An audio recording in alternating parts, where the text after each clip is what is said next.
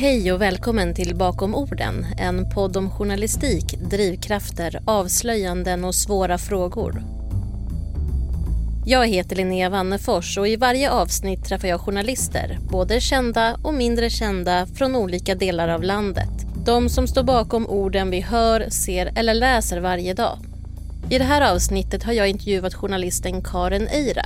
Hon växte upp i en renskötarfamilj i en sameby, ett jobb som verkligen inte lockade. Istället blev det journalistiken och till alldeles nyligen var hon reporter och programledare på Sameradion i Kiruna. Men nu väntar ett nytt kapitel på närradion i Norge. Vi pratar om hur hon aldrig tänkte att hon kunde bli journalist och hur man rapporterar om det samiska samhället där så mycket bygger på kontakter och relationer. Vi pratar också om det här med att vara nyhetsknarkare och att bli påverkad av de nyheter man tar del av och rapporterar om. Dessutom pratar vi om tävlingsandan som finns, på gott och ont, mellan journalister och om rädslan att inte vara först med en nyhet. Här kommer min intervju med Karen Eira. Du, jag tänker stänga av min, eh, min kamera. För jag tänker att det är lättare att bara fokusera på samtalet när vi inte ser varandra. Ja. Är det okej? Okay? Men, vad roligt, men vad roligt att se, Detsamma. se Verkligen, verkligen. Du ser, du ser oförskämt pigg ut efter att ha sänt nu. men jag stänger av den här så fortsätter vi prata. Ja. Du, eh, är du redo? Jag är redo. Då sätter vi igång. Hur är läget med dig idag, Karin? Jo, det är bra. Det är bra. Det är fint väder ute och det är bra. Och du har precis sänt eh, närradio. Berätta, vad, hur länge har du sänt och vad har ni pratat om? Jo, vi sänder en timme Eh, vardagar och fredag så sänder vi två timmar. Idag så har vi pratat om lokala saker som händer i Sápmi. Om eh, en eh, utställning, en modeshow har vi pratat om. Vi har pratat om att närradion kanske får mer stötte från, från regeringen och så. Du jobbade tidigare både på Sameradion och SVT Sápmi om jag förstår. Det är, så här, det är Sameradion och samarbetar med svenska SVT Sápmi och YLE i Finland och NRK i Norge. Alltså, berätta, hur ser det samarbetet ut? Jo, eh, det är ett långt samarbete. Det är ju eh, i och med att um, vi är ett Sápmi så eh, är det bra att samarbeta.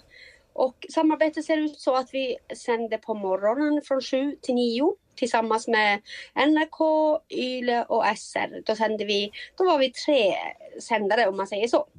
Och då pratade vi om eh, saker som händer i vars vår, var vårt land. Om, och, ja, aktuella saker och eh, reportage om vä vädret och nyheter då från alla dessa tre länder. Hur funkade det att jobba så där gränslöst? Det funkar jättebra. Inga problem överhuvudtaget. Och jag tycker att det är viktigt eh, för, den, eh, för det samiska samhället att man får eh, rapporter från de tre olika länderna.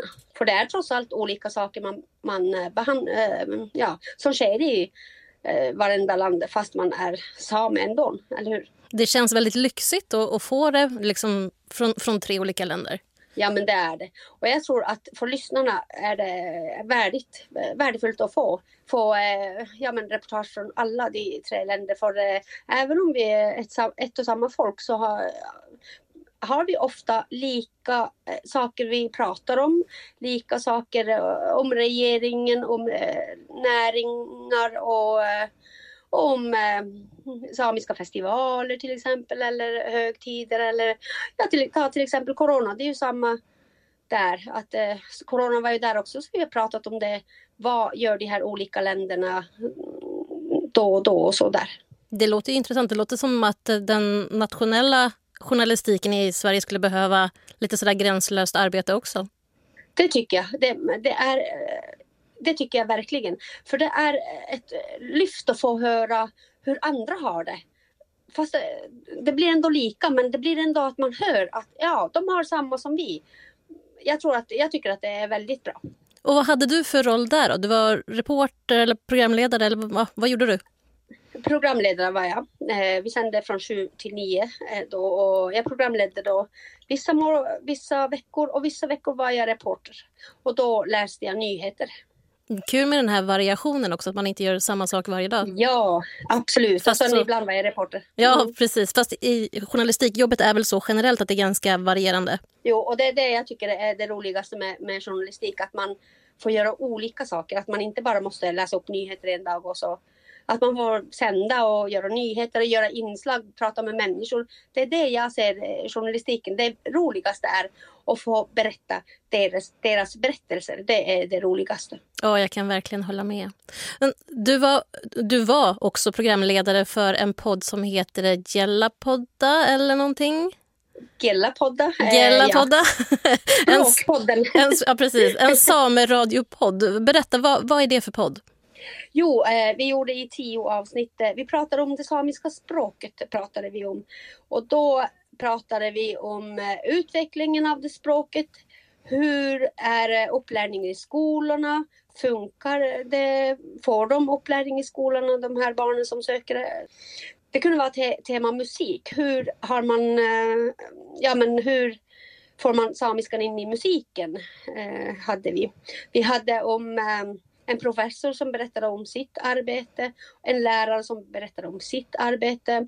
Vi hade Sametingspresidenten och eh, då berättade hon att eh, hur hon eh, växte upp med samiskan då eh, även om hennes språk var första, första språk var norska men sen kom ju samiska. Vi pratade om olika saker, det var olika teman varje dag, var, varje gång menar jag. Och den här podden blev sen nominerad till nya journalistpriset 2019. Ja, tänk dig det. Det var helt otroligt. Det hade jag aldrig trott. Men vad är nya journalistpriset för någonting? Det kallades för det stora journalistik, journalistikpriset. Men det är eh, för andra än stormedia om jag säger så. Mm, Okej, okay. mm. då förstår jag. Då förstår jag. Men ja. det här var ju förr. För nu, för ett par veckor sedan, eller nu under våren har du flyttat och bytt jobb. Eh, du gjorde ja. din sista dag på Sommarradion i Kiruna tidigare i våras. Hur, så här, hur länge var du på Sommarradion? Vi börjar där. Vi, jag jobbade 13 år i Sameradion och det var ett fantastiskt roligt jobb. Otroligt roligt jobb. Och då bodde jag i Sverige men jag är ju norsk medborgare så jag har ju hela min familj i Kautokeino i Nordnorge. Så jag bestämde mig för att flytta hem igen. Så nu jobbar du i Norge?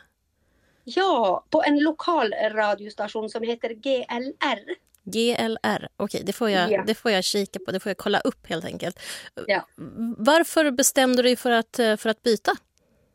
Eh, det, det, är ju så att jag har aldrig jobbat inom lokal radio förr och det är ju lite ju, skillnad från, eh, från Sveriges Radio och eh, lokalradio. Det är ju, vi har ju då på GLR, på GLR då har man ju reklam Mm. Och det är ju en timme men det är, ju, det är ju samma innehåll. Du gör ju saker som berör människor och nyheter, bra nyheter. Men där har du reklam också. Jag har aldrig jobbat på som lokalradio. Jag har lyssnat på dig ibland och tyckte att ja, det kan vara coolt. Så därför provade jag.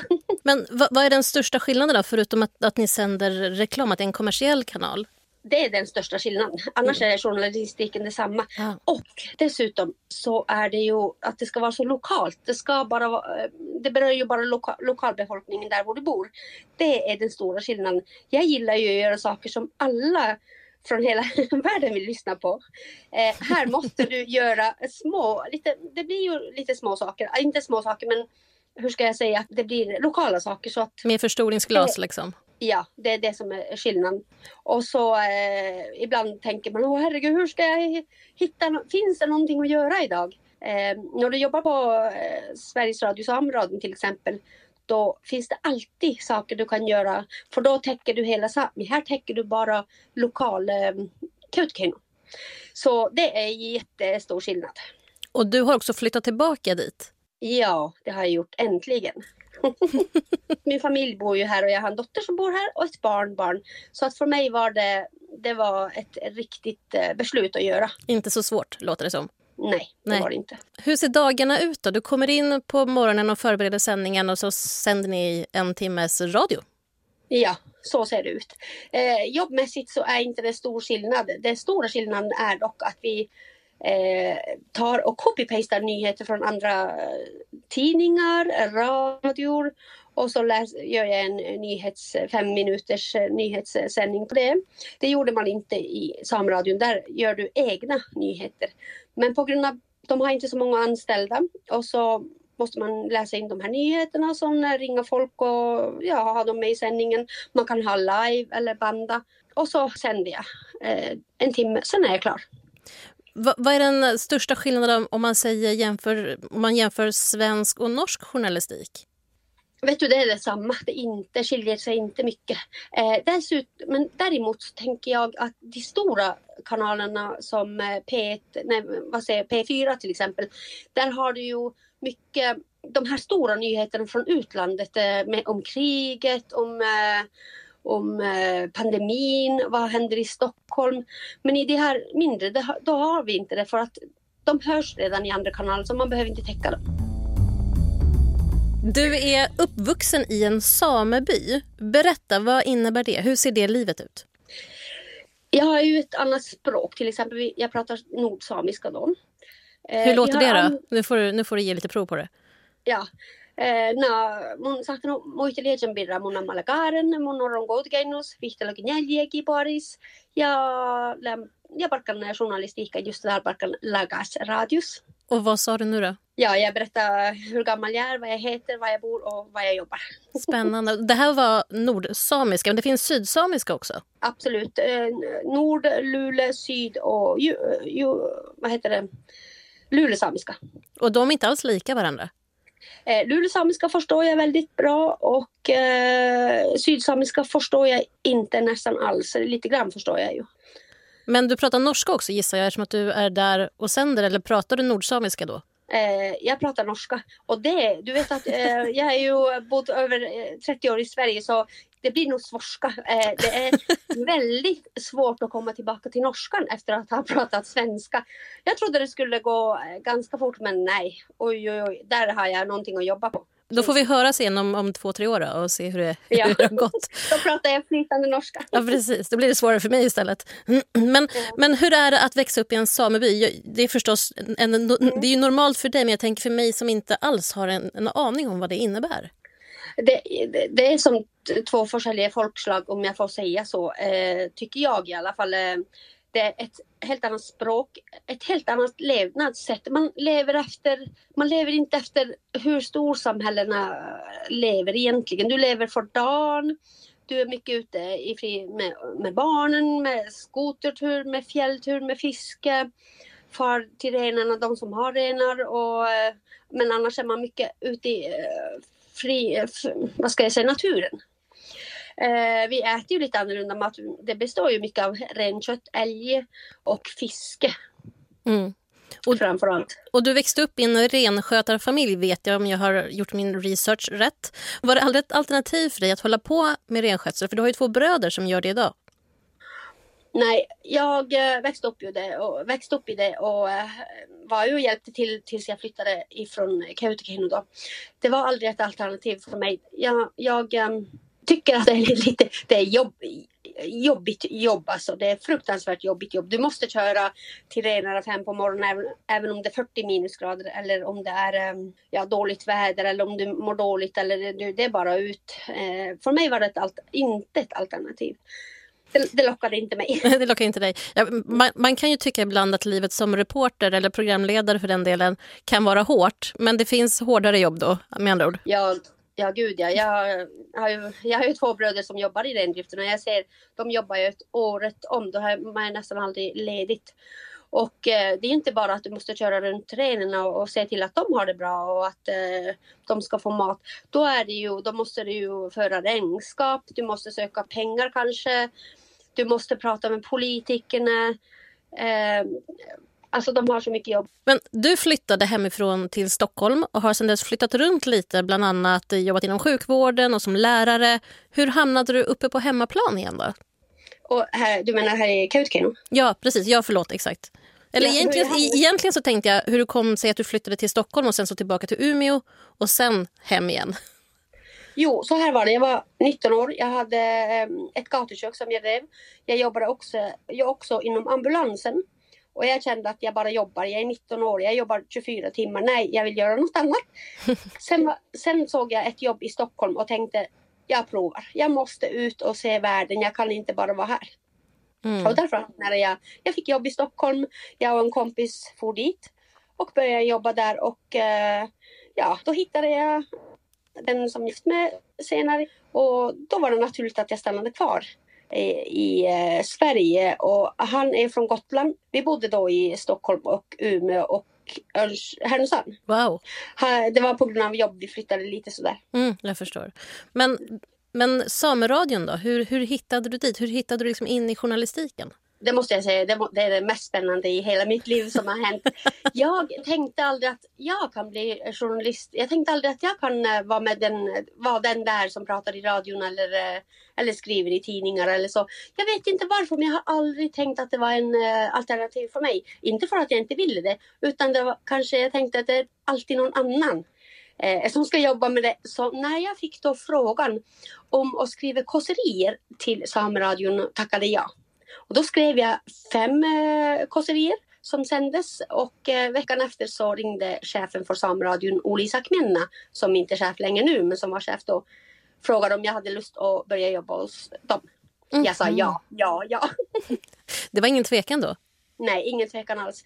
Och från första dagen jag klev in tills eh, idag så har jag aldrig ångrat. Det är det bästa jobben i hela mitt liv. Visst är även det. Om det var, mm, även om det varit jättesvårt ibland och jobbigt och man har lust att skrika. Jag drar, jag vill inte vara här. Men det, det, det är det mest roligaste jobbet. Var har du utbildat dig någonstans? Eller gick du någon journalistutbildning? Eller är du bara, Nej, du är bara självlärd? Ja, ja precis. Jag är självlärd. Fantastiskt. Um, nu ska vi se, nu tappade jag bort mig lite här. Um, du, du, du. Ja, men du var ju inne på det här med, med... Ibland vill man bara skrika rakt ut för att det inte går bra. Men vad, vad är roligast av allt?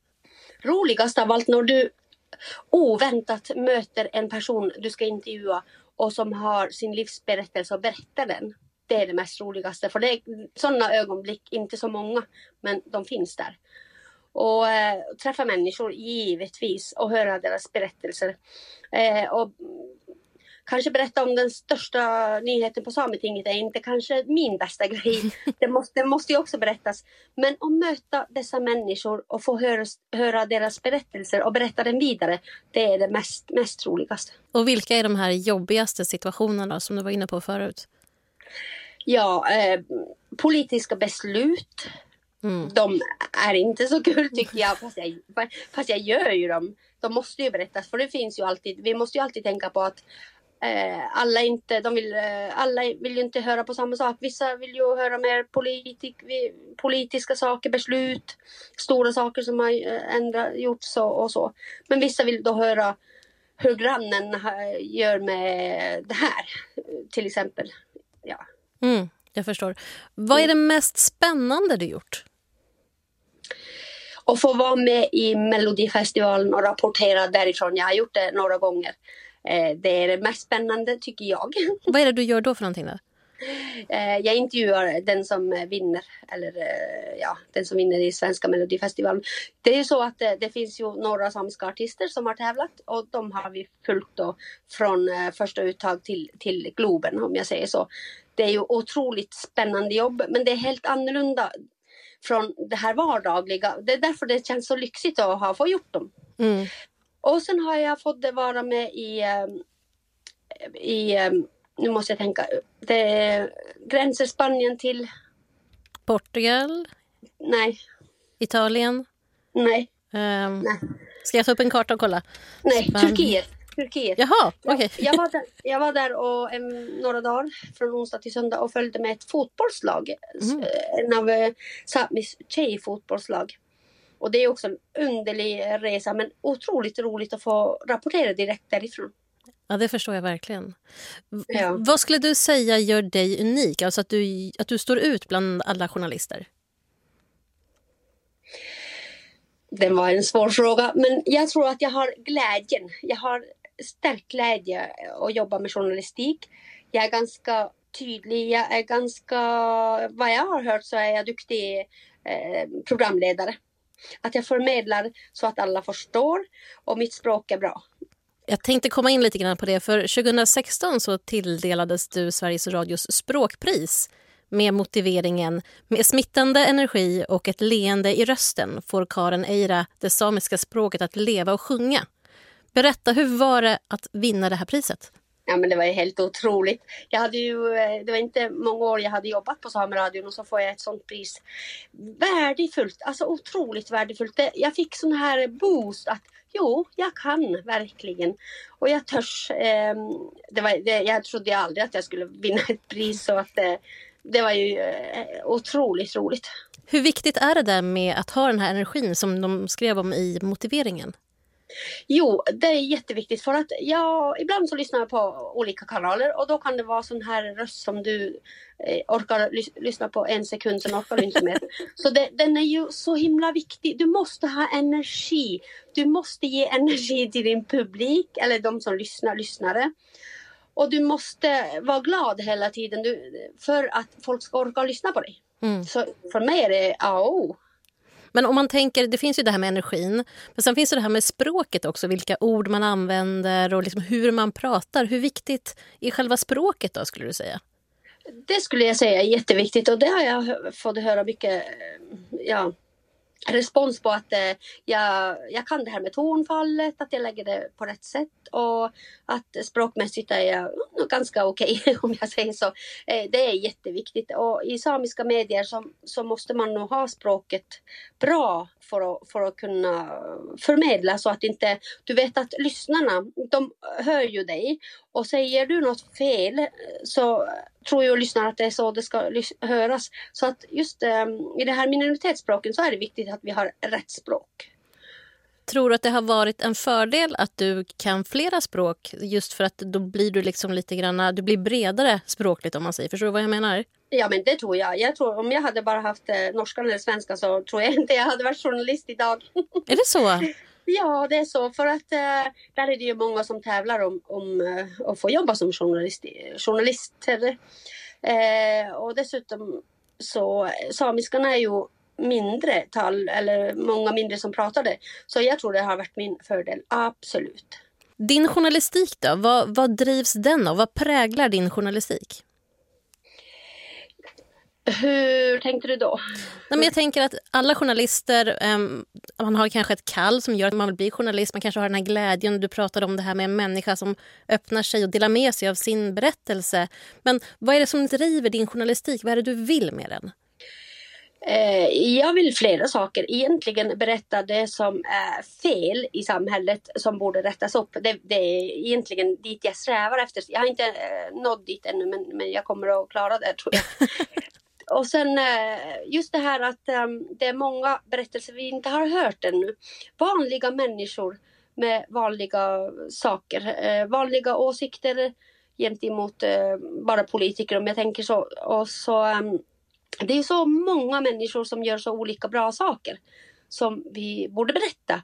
Och det är det som driver mig att få berätta de här ehm, som inte har hörts ännu. Det är också en strävan från min sida att jag vill berätta den berättelsen. Uh, dessutom så vill man ju vara först med nyheten, definitivt. Som man kanske inte hinner med alltid, men det, det är sådana saker som driver mig att jag måste berätta det här, jag vill berätta det här. uh, ja. Men vad tycker du då är det bästa sättet att hitta nyheter? Att, att liksom hitta de här människorna som du vill berätta om? Att, att, att få de här tipsen eller att, att eh, inte snoka höll jag på att säga, men att, att liksom nysta lite i, i någonting eller skrapa på ytan. Alltså var, får du, var hittar du de här berättelserna? Det är ju en, en eh, letande utan dess like och de bästa berättelserna får jag eh, av de själva som kanske skriver till mig eller ringer till mig eller mejlar mig. Att eh, ett tips, här har du, eller att min, no, no, no, någon jag, nej vänta, att eh, någon jag känner som eh, skickar ett tips till mig. Det är ju de, de där är ju, det, men dessvärre så är det ju Facebook och Instagram vi hittar en massa saker vad folk skriver om, om folk är villiga att skriva om saker och ting. Så sociala medier är viktiga? Sociala medier eh, måste jag säga är jätteviktiga för mig i alla fall. Det är där jag hittar mina saker. Mm. Pressmeddelande, helt okej. Okay. Eh, ja. Mm. Och, det, och, det, är bra att vi har pressmeddelande för där kommer ju massa saker hela tiden man kan uh, följa upp och göra intervjuer. Du skrev att du får mejl och att folk kontaktar dig om, det, om de har tips eller om någonting du ska rapportera om. Men kan läsare, lyssnare, tittare vara med och påverka eller blir det liksom som att det bara blir en input, ett förslag och sen så ligger ändå valet hos dig? Förstår du vad jag menar? Jo, men så är det ju. Eh, man måste ju värdera för dagen vad är bra sak och vad är inte bra sak. Jag menar, den som tipsar kanske tycker att det är världens bästa grej. Men mm. jag kanske tänker att nej, inte den där. Men, men den andra kanske tycker att ja, den är jättebra, den tar jag. Mm. Så att det är ju ändå valet är ju hos mig vilka, vilka saker jag jobbar med då eh, under dagen. Vad får du för respons då från de som tar del av din journalistik? Jo, eh, jag får bra respons av dem. Eh, jag gör många glada saker. Eh, dessutom så um, glada saker, då menar jag jag berättar om vad som händer i, i det samiska samhället, eh, om någon har fått ett pris, om det är en konferens som pågår. Men jag gillar också att göra de jobbiga sakerna och, och, inte, inte sätta dit dem, men att de får svara på varför varför tog de det här beslutet eh, och som inte kanske är bra för befolkningen eller för vissa människor. Men jag tror för, jag får den respons, responsen att, att, uh, att jag gör uh, bra saker. Men uh, jag har inte fått någon respons på vad jag gör för bra saker eller inte. Hur mycket nyheter lyssnar du själv på? Och jag lyssnar mycket på nyheter, det gör jag. Eh, jag följer med. Jag följer med vad som sker i världen, i Sverige, i Norge och i, i Sápmi. Så ja, jag lyssnar mycket på nyheter. För det kan ju ofta bli så att man som journalist vill vara påläst förstås och mm. liksom allmänbildad. Men det är också en sån otrolig stridström av information och av nyheter och, och, information som kommer. Att det kan också bli väldigt mycket, att man kan bli nästan en sån här nyhetsknarkare om du förstår vad jag menar. Mm, jag förstår. Därför kan jag sålla ut de, jag, det är jag inte intresserad av. Eller jag är intresserad själv men att inte jag vill göra någonting på det. Så då bara so, zoomar jag ut om jag får säga så. Eh, och sen det jag är intresserad av av, eller um, tror att lyssnarna vill lys lyssna på, då läser jag mig mer på det och kanske ringer runt folk och frågar vad är det här? Har du hört någonting? Eh, kan du berätta lite mer om det här? Men jag tänker för egen så man del. måste göra så. Ja, jo, men det, mm. precis. Men jag tänker för egen del också. När du själv tar del av nyheter och liksom håller dig alert, vaken, eh, påläst till exempel. Hur, hur, hur mm. sållar du där så att det inte blir bara massa, massa, massa input som inte hjärnan kan processa till slut? Ja, då sätter jag på en bra film istället. Ah. Må, jag, må, jag, måste bryta för att om det blir för mycket nu med kriget med Ukraina till exempel och, och Ryssland så blir det för mycket. Då börjar man bli rädd. Och det tänker jag att men det kan ju inte bli för vi har inte krig här än. Därför måste jag sätta på en bra film istället. För annars, annars är det så himla lätt att bli deprimerad om man bara får höra de här jobbiga sakerna. Så det är jätte, jätteviktigt att inte bara lyssna på nyheter och ta del av det värsta utan göra något roligt istället. Vad inspireras du av rent journalistiskt? Oj, av eh, det var en svår fråga och jag inspireras av de här som är duktiga poddare till exempel på Sveriges Radio. De inspirerar, inspirerar mig mycket. Hur de lägger upp sina program och radioprogram och tidningar. Hur de lägger upp så att en lyssnare lyssnare eller läsare vill följa dem. Ja, jag lyssnar på vissa morgonprogram som är lite lättare och även eh, intervjuer. Det tycker jag också är ett bra sätt. Så att ja, jag väljer ut vem jag lyssnar på om jag säger så och blir inspirerad av dem. Jag tänkte vi skulle prata lite om um, den samis det samiska samhället, det, det samiska helt enkelt, och eh, journalistiken. Jag vet att du har sagt i en intervju, det var i Journalisten i september 2017, det är länge sedan så jag förstår om du inte kommer ihåg det. Men du sa då att samiska världen bygger på kontakter. Vad menade du med det? Jo, det är ju så att det samiska samhället är inte så himla stort och det är jätteviktigt att ha ett stort nätverk eh, så att du vet vad som sker runt i hela Sápmi och då är det Ryssland, Sverige, Norge och Finland. Så att eh, det är jätteviktigt att ha det här stora nätverket. Bilda, vad ska jag säga, jag menar, eh, hur ska, hur ska jag förklara det här? Det är svårt. Eh, ja, men att man eh, vågar ta kontakt med folk och att man eh, berättar vad man är och vad man är nyfiken på. Och så om man är då eh, positiv och glad så, så får man många vänner om jag säger så, eller kontakter. Och det, därifrån så kommer berättelsen ännu mer. Jag kommer djupare, jag kommer bredare in på, in på andra människor, andra saker, andra politiska beslut. Svår fråga men, men jag, jag tror jag tänkte, tänkte så. Mm. Jag är lite nyfiken på hur... På sätt och vis är det samiska samhället ganska slutet. Jag tänker för mig som inte pratar samiska till exempel.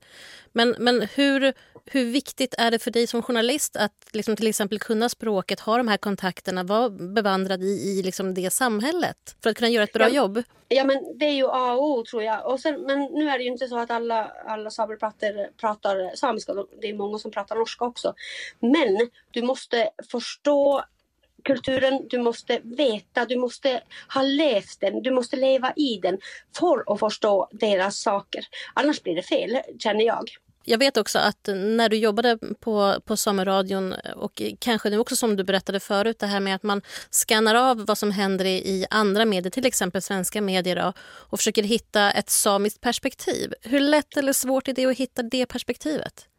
Ja men det är inte så himla svårt egentligen för att storsamhället har ju, och det mindre samhället, de har ju liknande saker. Till exempel det här med eh, politiska beslut som tas eh, som påverkas. Låt, låt oss se bensinpriserna till exempel. Det påverkar ju eh, de som kör lastbil men det påverkar också de, de som äger renar och, och kör skoter och, och andra fordon. Då. oftast är det lätta, lätt, vad ska jag säga, sam, det är, och hitta en samisk person till den saken. Nu babblar jag för att jag vet inte vad jag säger. Men jag säger, tänker så att eh, det är inte eh, det är inte svårt att hitta. I början tyckte jag det var jättesvårt att hitta samiskt perspektiv. Hur ska jag tillämpa det här till vårt samhälle? Men efter några år så har jag kommit på att men det är ju samma saker. Eh, åtminstone när det gäller politiska beslut. När det, gäller, när det handlar om hälsan. Eh, om man lägger ner BB någonstans eller eh, om skolsaker. Så att det finns alltid ett samiskt perspektiv i, att hämta i det stora samhället eh, journalistik om jag säger så. Saknas det mer samiska perspektiv i de nationella nyheterna? Jag tänker omvänt ja. liksom. Ja, det gör det verkligen. Det pratas mycket om vad, hur, eh, i storstäderna hur folk påverkas där, men inte i mindre samhällen. Och absolut i, de samiska samhällen så pratas det väldigt lite. Vad kan vi eh, nationella, eller på säga, vad, vad, kan vi andra journalister bli bättre på där då? Ja, men jag tänker på eh, till exempel det här med bensinpriser. Då kan man också berätta att, att eh, ja, många näringar drabbas, bland annat eh, ren, rennäringen och hur det påverkas eh, när det är dåligt bete eh, som det är nu och dessutom så höga be bensinpriser så är det säkert många som måste lägga av för att de kommer inte att klara det. Och det är ju som, det är samma med bönder om jag säger så. Mm. Mm, att man, ja, och så tänker jag mycket på det som, som andra medier kunde ha gjort med det är det här samehatet. Eh, när det finns renar på vägen, då jäklar är det bombarderad i Instagram och Facebook kommentarer på, på varför inte renägarna och tittar till sina, till sina renar och så. Eh, det är en grej. Och sen en annan grej, det här kulturella, till exempel ehm, den samiska slöjden. Den, den ses och nästan hörs bara i, i de samiska tidningarna och radio och eh, media om jag säger så. Mm. Det, där har vi bra, tre bra tips att föra vidare. Eh, vi, vi var lite inne på det här med det slutna samhället. och För ett par år sedan så vägrade politiker i Sametinget att ställa upp på bandade intervjuer i Sameradion och SVT Sápmi efter att tingets ekonomi granskats. Vad handlade det där om? Det handlar om att de menar på att vi förmedlar fel information. Att eh, när vi intervjuar dem eh, i bandning, för att de inte har tid i sändning kanske att intervju, bli intervjuas, eh, så menar de på att vi, vi vinklade saker fel. De ifrågasatte radions opartiskhet ja. och objektivitet. Men finns det en risk att det blir så när man kommer för nära ett samhälle att man liksom bara att, att man blir lite för senis, att man blir lite för, för, för nära de man ska granska och rapportera om och därför så kan de ställa kraven kraven tillbaka om du förstår vad jag menar? Jag förstår vad du menar och, och, svaret är absolut nej. Därför att om vi, vem ska granska det samiska samhället om, om inte vi själva? Om det svenska samhället inte kan granska sig själv, då är det någonting fel. Det, är, det handlar om tillit. Att, um, det är klart att det finns många, några journalister som vinklar saker helt fel och det blir helt fel. Men de flesta gör inte det. De flesta berättar exakt den sanningen som det finns. Man kanske har en annan um, överskrift eller, eller vinklar den på ett annat sätt. Men men saken är alltid rätt. Man kommer inte med lögner eller påhittiga ja, saker. Så att, äh, att samer måste få kunna granska sina egna institutioner själv. Mm. Definitivt. Mm.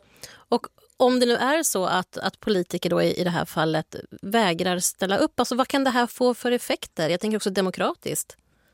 Ja men det är ju inte bra. Det är ju in, överhuvudtaget inte bra för då kanske en annan följer upp och tänker att Åh, de eh, rapporterar fel så vi vågar inte ställa upp på intervju där.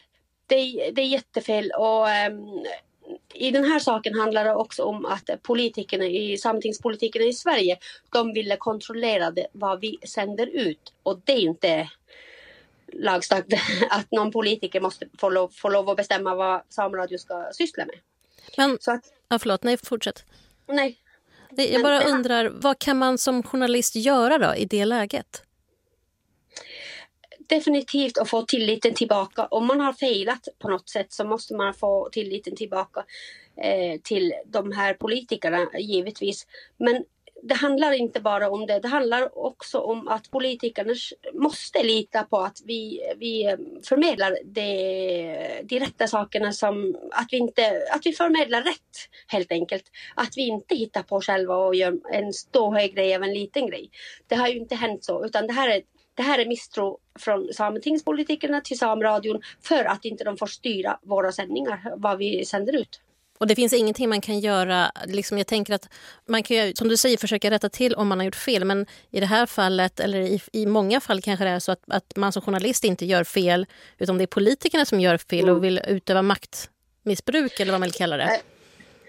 Då får man bara ignorera, ignorera eh, det vad de säger och även fortsätta och intervjua dem. Eh, och för att de har ju ställt upp efter det, efter uttalandet. Så att det är ju ingen, det är någon slags, jag vet inte, mindre hot om man ska säga det. Men, men de har ju ställt upp och det är bara, det, man får inte ge sig, man får bara, bara, ja, bara fråga dem helt enkelt. Inte ge sig. Det är ett bra tips. Inte ge sig, det är bra tips. Man ska aldrig ge sig. Och så kan du vara vänlig när du ringer och säger ja, hej, nu vill jag att vi pratar om det här. Och visst, vi ställer det upp. Man kan, det finns många sätt. Man kan prata med en människa så att det blir bra tror jag. I början av arbetet med den här podden gjorde jag en undersökning på sociala medier där jag ställde frågor till eh, olika grupper på, på till exempel Facebook eh, om vad man tycker om svensk journalistik, vad den brister i och vad som kan bli bättre. Och eh, det här handlade väl mer om att få inputs än att eh, bygga upp någon typ av statistiskt säkerställt resultat. Men väldigt många tog upp det här med att man saknar förtroende för journalistiken idag. Vad säger du om det? Jag har själv inte upplevt att man saknar förtroende för journalistiken. De jag intervjuar och de vi har med i radion, de, de eh, har tillit till oss. Eh, och det tycker jag är väldigt synd att höra från dig. Det kan eh, var att det finns ju till exempel se och hör journalister eller ja, eh, sådana där. Eh, jag vet inte om de blandar i, ihop med vanlig journalistik eller, eller varför kommer den där frågan ens upp? Jag förstår inte. Jag förstår inte att folk inte har tillit till journalistiken. Vi håller inte på att hitta på saker eller eh, ja. Jag tror att det har mycket att göra med det här med fake news som kom eh, till exempel ja. under Trumps eh, presidentskap och att journalistiken ifrågasattes och det såddes någon typ av missnöje eh, hos allmänheten eller hos publiken. Och självklart så ska ju journalistiken ifrågasättas. Alltså, vi ska ju också kunna granskas. Men, eh, men det har också blivit um, det här, just det här med bristen på förtroende. Um, vad tror du att det kan bero på? Det måste vara fake news och det måste vara de här, eh, eh låt, låt mig säga de här stjärnorna eller de här eh, ja, stora utländska att man skriver för mycket om dem eller att man eh, berättar eh, om deras liv som, ja jag vet inte, jag tror det är någonting där. I, jag tror faktiskt i vanliga journalistiken så tror jag inte att folk är så jag tror att de har tillit till oss ändå. Många i den här undersökningen sa också, eller svarade också att de inte känner sig sedda eller representerade. Att det liksom blev en rundgång på att det var samma personer som intervjuades. Um, har, det, har det blivit rundgång, tycker du? Ja, det tycker jag verkligen. Vi har, vi har, eh, där gör vi ganska stora fel om man säger så, så. Vi tar de här politikerna vi har redan hört, vi tar de här människorna som alltid eh, kommer med kommentarer eller klagar, de får alltid höras. Men de här som inte det är det jag menar att vi måste få dem att höras, de som inte hörs. Men hur, det är inte så himla, det är lite komplicerat att få tag i dem som inte hörs. Men men det är helt rätt. Vi, vi, vi är för slappa och tar de som har redan hörts. Tyvärr. Men, men hur tänker ni då på din redaktion där du är nu? Hur tänker ni när ni bokar röster eller söker personer? Jag tänker ju så att vi försöker att, att eh, berätta den nyheten. Det måste vi ju göra och, och, om det är ett politiskt ansvar så måste ju den politiken, politiken berätta om det. Men där kan vi ha en motsatt sida, att vi hittar en berörd som inte har hörts i radion eller som inte ofta i alla fall eh, är med i sociala medier eller så. Jag försöker så, men som sagt i ett mindre samhälle så är det lite svårare. Och försöker man, och det är många som inte vill vara med heller. Mm.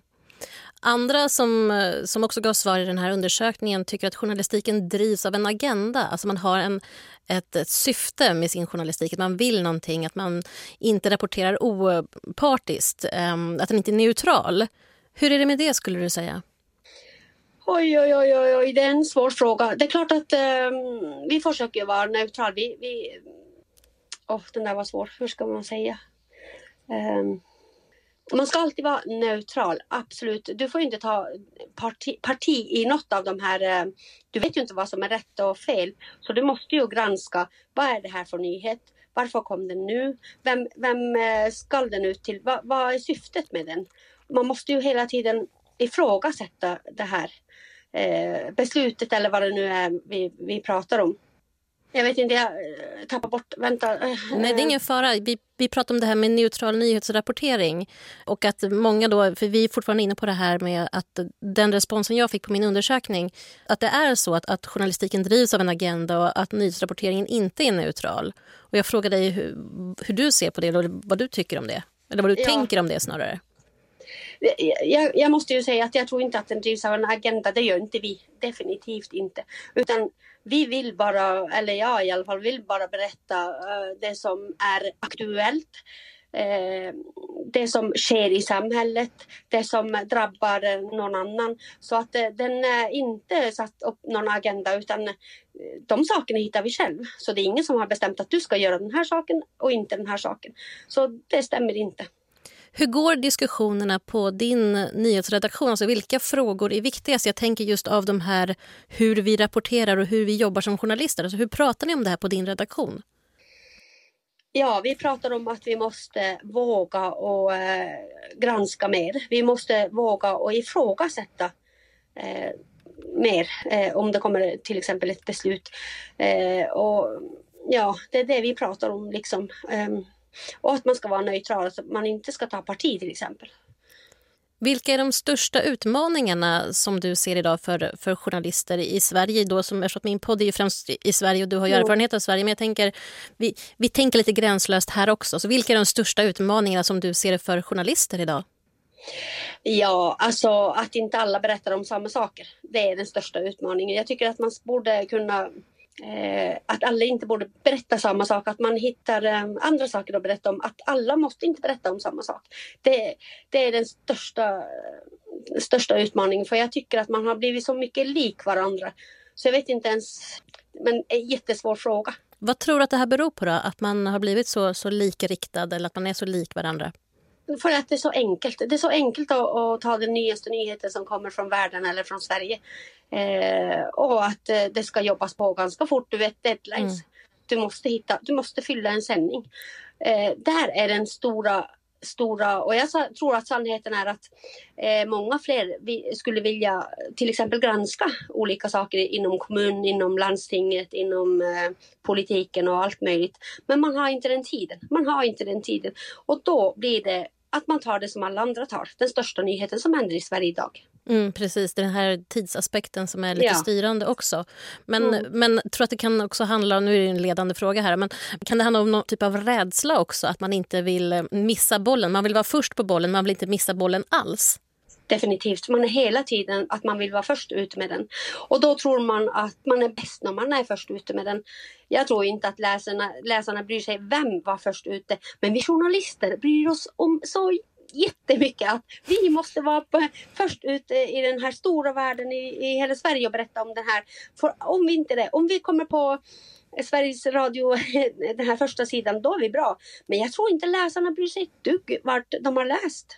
Tyvärr. Man har sina Så, liksom, medier som man, man ja. håller sig till. Mm. Man är ja. lite lojal där.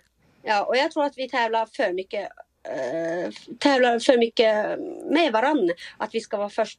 Jag tror att hellre vi ska sprida olika nyheter. Jag tror att då, då blir det bättre, tror jag.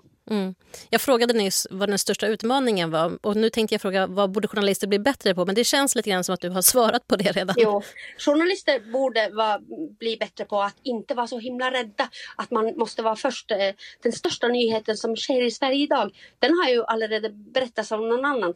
Då tar vi det näst bästa Eh, jag menar inte så att näst bästa, men jag menar det finns andra, eh, andra saker att berätta om som är lika viktiga som den här största nyheten. Men man behöver inte vara rädd att oh, nu måste jag göra den som alla andra vill höra. Men den nyheten är ju ute redan så glöm den och gör något annat. Mm.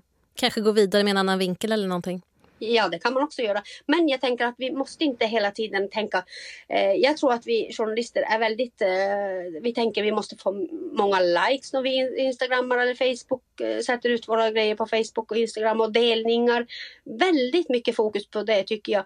Alldeles för mycket fokus. För då då har vi glömt bort den här lyssnaren. För den som sagt, den bryr sig inte hur många likes du har, vilka nyheter du berättar. Den, den, vi ska bara få lyssnare som gillar oss på det, varför vi är där.